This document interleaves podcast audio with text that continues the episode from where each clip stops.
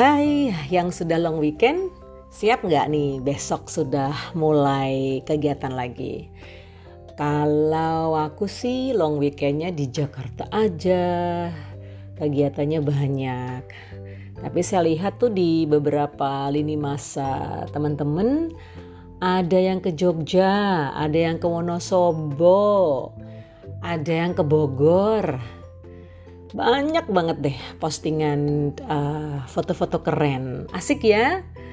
Hmm kalau di udara bebas gitu ya di tempat terbuka. Memang sih uh, mungkin kalau pakai masker jadi kurang nyaman ya. Tapi tetap aja ya jaga jarak dan jangan lama-lama. Kan kita masih belum terbebas covid nih ceritanya. Oh well anyway um, sahabat semua Aku kali ini ingin bahas tentang portofolio. Apa sih itu portofolio ya?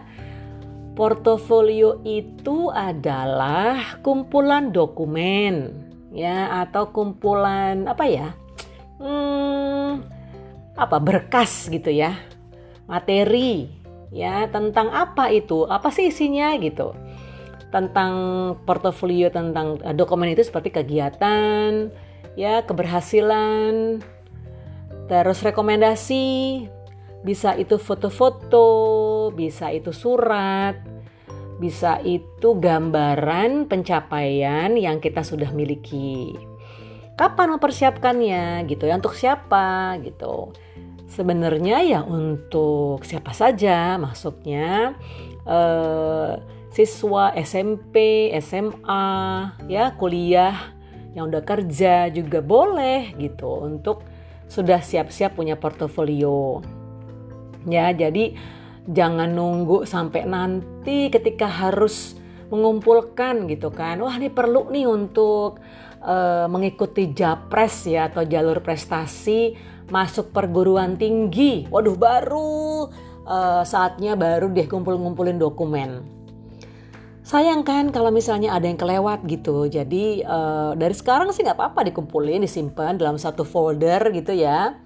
Baik bisa beli uh, apa itu namanya tuh um, kayak map gitulah ya map yang bening gitu kan. Terus itu dimasuk masukin deh itu. Ya kayak reference letter atau piagam penghargaan sertifikat gitu ya. Apalagi sekarang nih ketika masa pandemi ini kan banyak banget kegiatan yang memberikan kepada kita semua e-certificate.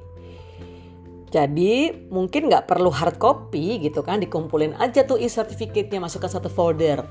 Tulisin judulnya portofolio. Ya. Terus kenapa dong penting punya portofolio?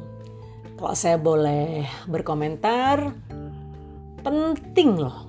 Kenapa? Karena kita bisa lebih pede, lebih percaya diri, ya karena dapat mengapresiasi diri siapa lagi kalau yang yang bisa menghargai kalau nggak kita sendiri? Ayo. Ya kan? Terus yang kedua kita menikmati menghargai pencapaian yang kita sudah miliki selama ini. Dilihat-lihat lagi oh kita pernah nih ikut kegiatan misalnya menjadi partisipan gitu ya. Menjadi peserta lomba bla bla bla misalnya. Mungkin belum tentu menang gitu kan tak apa-apa tapi pernah menjadi peserta gitu. Terus misalnya lagi uh, ikut uh, apa itu namanya sebagai wakil sekolah misalnya. Bertanding lomba basket gitu. Ya mungkin sekarang nih karena pandemi ya nggak ada sih tanding-tanding yang yang kayak sebelum covid gitu kan. Lebih rame lebih banyak. Tapi banyak juga kok kegiatan nih yang selama pandemi ini ya seperti kursus online, terus seperti kelas-kelas online kan banyak banget tuh yang memberikan uh, e-certificate. Ya. Terus pentingnya lagi kita ingat pengingat kegiatan. Kita pernah ikut ini, ikut itu segala macam tuh kalau kita kumpulin tuh seru gitu loh. Wah, ternyata selama pandemi dari bulan Maret sampai Agustus ini banyak banget loh yang aku ikuti. Ikut kelas masak secara daring katakanlah gitu kan. Ikut kelas um, digital marketing misalnya. atau ikut talk show Kak Vivit public speaking ya itu dikumpulin pasti uh, untuk kita ingat-ingat lagi tidak hanya merasakan manfaat pada saat itu tapi juga dapat menyampaikan ke orang yang melihat ya atau yang mereview portofolio kita bahwa kita pernah ya menyiapkan waktu kita untuk menambah kemampuan menggali potensi diri.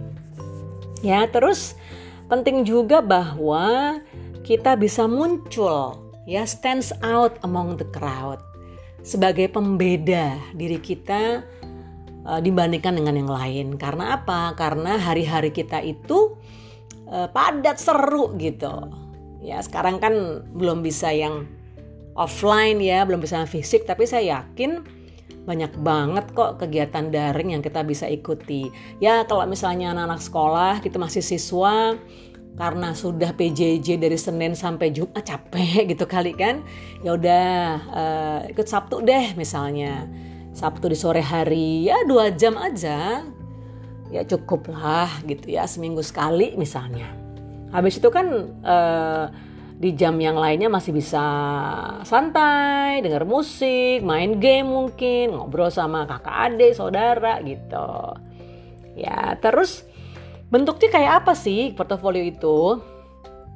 Tadi uh, aku udah bilang kan bisa misalnya dokumen uh, sertifikat gitu kan. Kalau yang sebelum pandemi kan misalnya satu lembar A4 gitu kan. Tapi karena lagi pandemi mungkin uh, kegiatannya ya e-sertifikat. Jadi sertifikatnya soft copy gitu. Ya. Terus dikumpulkan.